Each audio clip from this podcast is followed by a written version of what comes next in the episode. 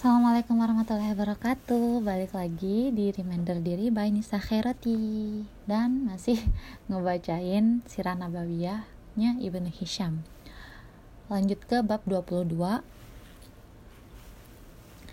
Tentang Al-Gauts bin Mur menjadi pemandu jamaah haji Al-Gauts bin Mur bin Ut bin Tabikoh bin Dias bin Muzar menjabat sebagai pemandu jamaah haji dari Arafah dan anak keturunannya sepeninggalnya.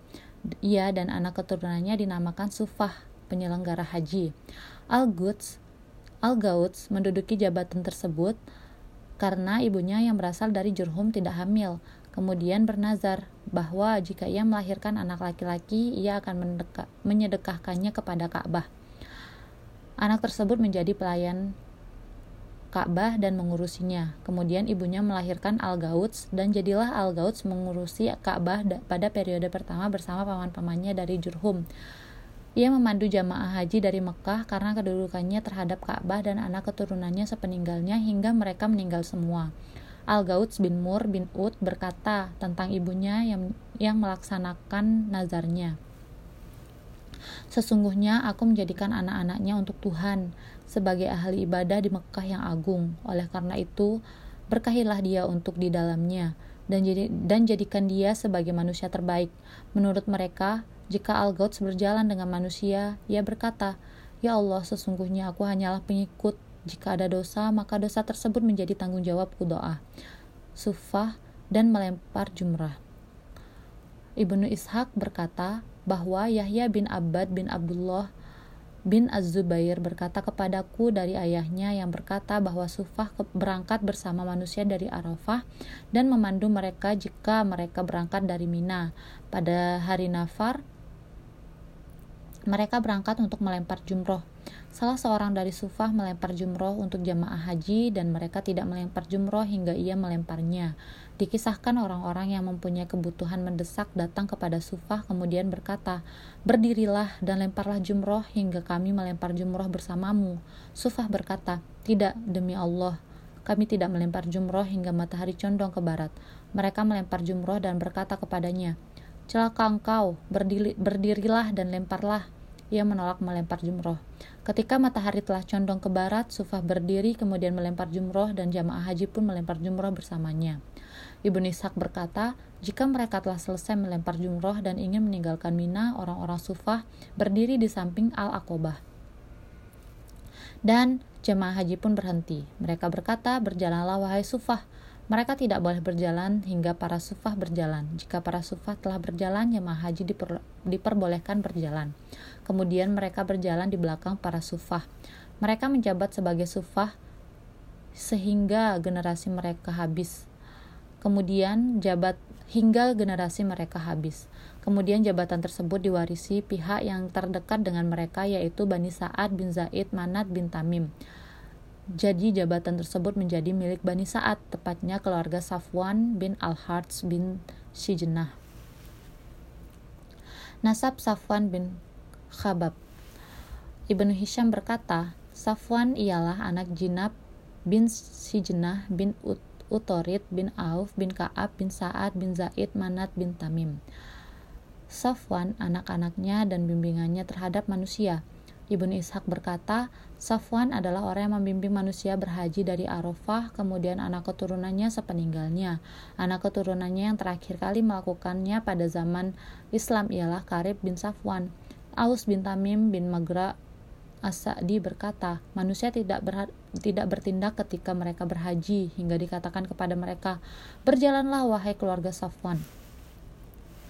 Ibnu Ishaq berkata, bait syair di atas adalah potongan dari syair-syair Aus bin Magra. Berangkat dari Musdalifah. Adapun ucapan Zi al-Ashba al-Adwani yang nama aslinya adalah Hursan bin Amr, ia dinamakan Zu al-Asba karena ia mempunyai jari-jari kemudian ia memotongnya. Ialah sebagai berikut. Permohonan maaf adalah ad dari aduan dulunya mereka adalah orang-orang yang disegani sebagian di antara mereka berbuat zalim terhadap sebagian, dan tidak belas kasih terhadap sebagian yang lain. Di antara mereka ada yang menjadi pemimpin-pemimpin dan orang-orang yang membayar pinjaman. Di antara mereka ada yang membimbing manusia mengerjakan sunnah dan wajib. Di antara mereka terdapat penguasa yang memutuskan apa yang telah ia putuskan tidak ia batalkan. Bait-bait syair di atas adalah penggalan dari syair-syair Zu al-Asba. Karena kepemimpinan perjalanan meninggalkan Muzdalifah menjadi milik aduan sebagaimana dikatakan kepadaku oleh Ziyad bin Abdullah al-Bakkai dan dari Muhammad bin, bin Ishaq. Mereka mewariskannya dari generasi ke generasi sesu, sesudahnya hingga orang yang terakhir kali melaksanakannya dalam Islam adalah Abu Sayyaroh Umailah bin Al-Azal.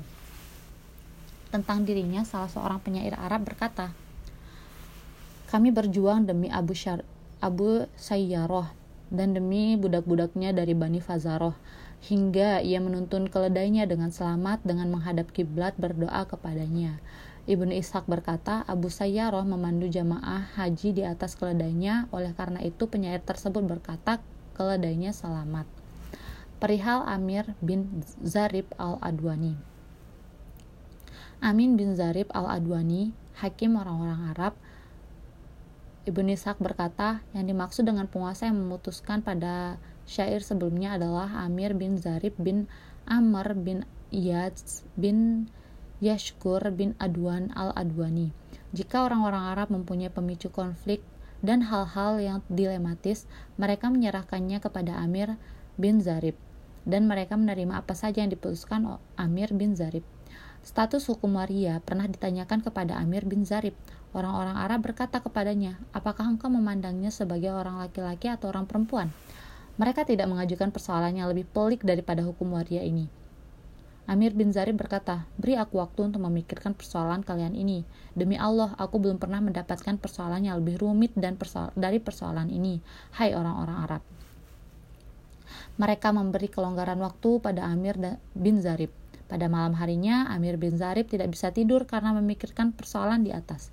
Ia mempunyai budak wanita yang bernama Suhailah yang menggembalakan kambing-kambingnya. Amir bin Zarib sering mengkritik budak wanitanya ketika ia pulang dari padang gembala. Amir berkata kepadanya, Hai Suhailah, demi Allah, engkau pulang pagi saja. Tidak jika jika budak wanitanya hendak berangkat ke padang gembala, Amir bin, bin Zarib berkata, Hai Sukhailah, demi Allah, engkau berangkat sore hari saja. Amir bin Zarib berkata seperti itu karena Sukhailah sering kali menunda keberangkatannya ke padang gembala hingga didahului para penggembala yang lain, dan menunda kepulangannya hingga didahului para penggembala yang lain. Ketika Sukhailah mengetahui tuannya semalam suntuk tidak bisa tidur gelisah dan sebentar lagi Sebentar sekali berbaring di atas ranjangnya, Sukhailah bertanya, Ada apa denganmu? Semoga engkau tidak mempunyai... Ada apa denganmu? Semoga engkau tidak mempunyai ayah. Malam ini aku melihat berbeda dengan malam-malam sebelumnya. Amir bin Zarib berkata, Celaka engkau, biarkan engkau, biarkan aku, ini bukan urusanmu. Sukhailah mengulangi pertanyaannya. Kemudian Amir bin Zarbi berkata dalam hatinya, Barangkali Sukhailah bisa memberikan jalan keluar persoalan yang aku hadapi.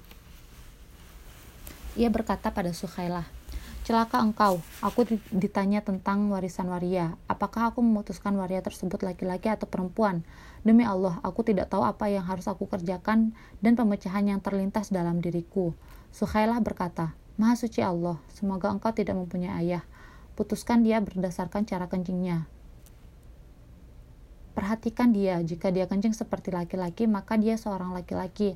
Dan jika dia kencing seperti perempuan, maka dia orang perempuan. Amir bin Zarim berkata, Hai hey Sukhailah, pergilah sore hari sesudah waria tersebut atau pergilah pagi hari. Demi Allah, engkau telah memberi jalan keluar atas persoalan ini. Keesokan harinya, Amir bin Zarim menemui manusia dan memutuskan persoalan tersebut berdasarkan petunjuk Sukhailah. Oke, jadi sekian untuk bab 23 eh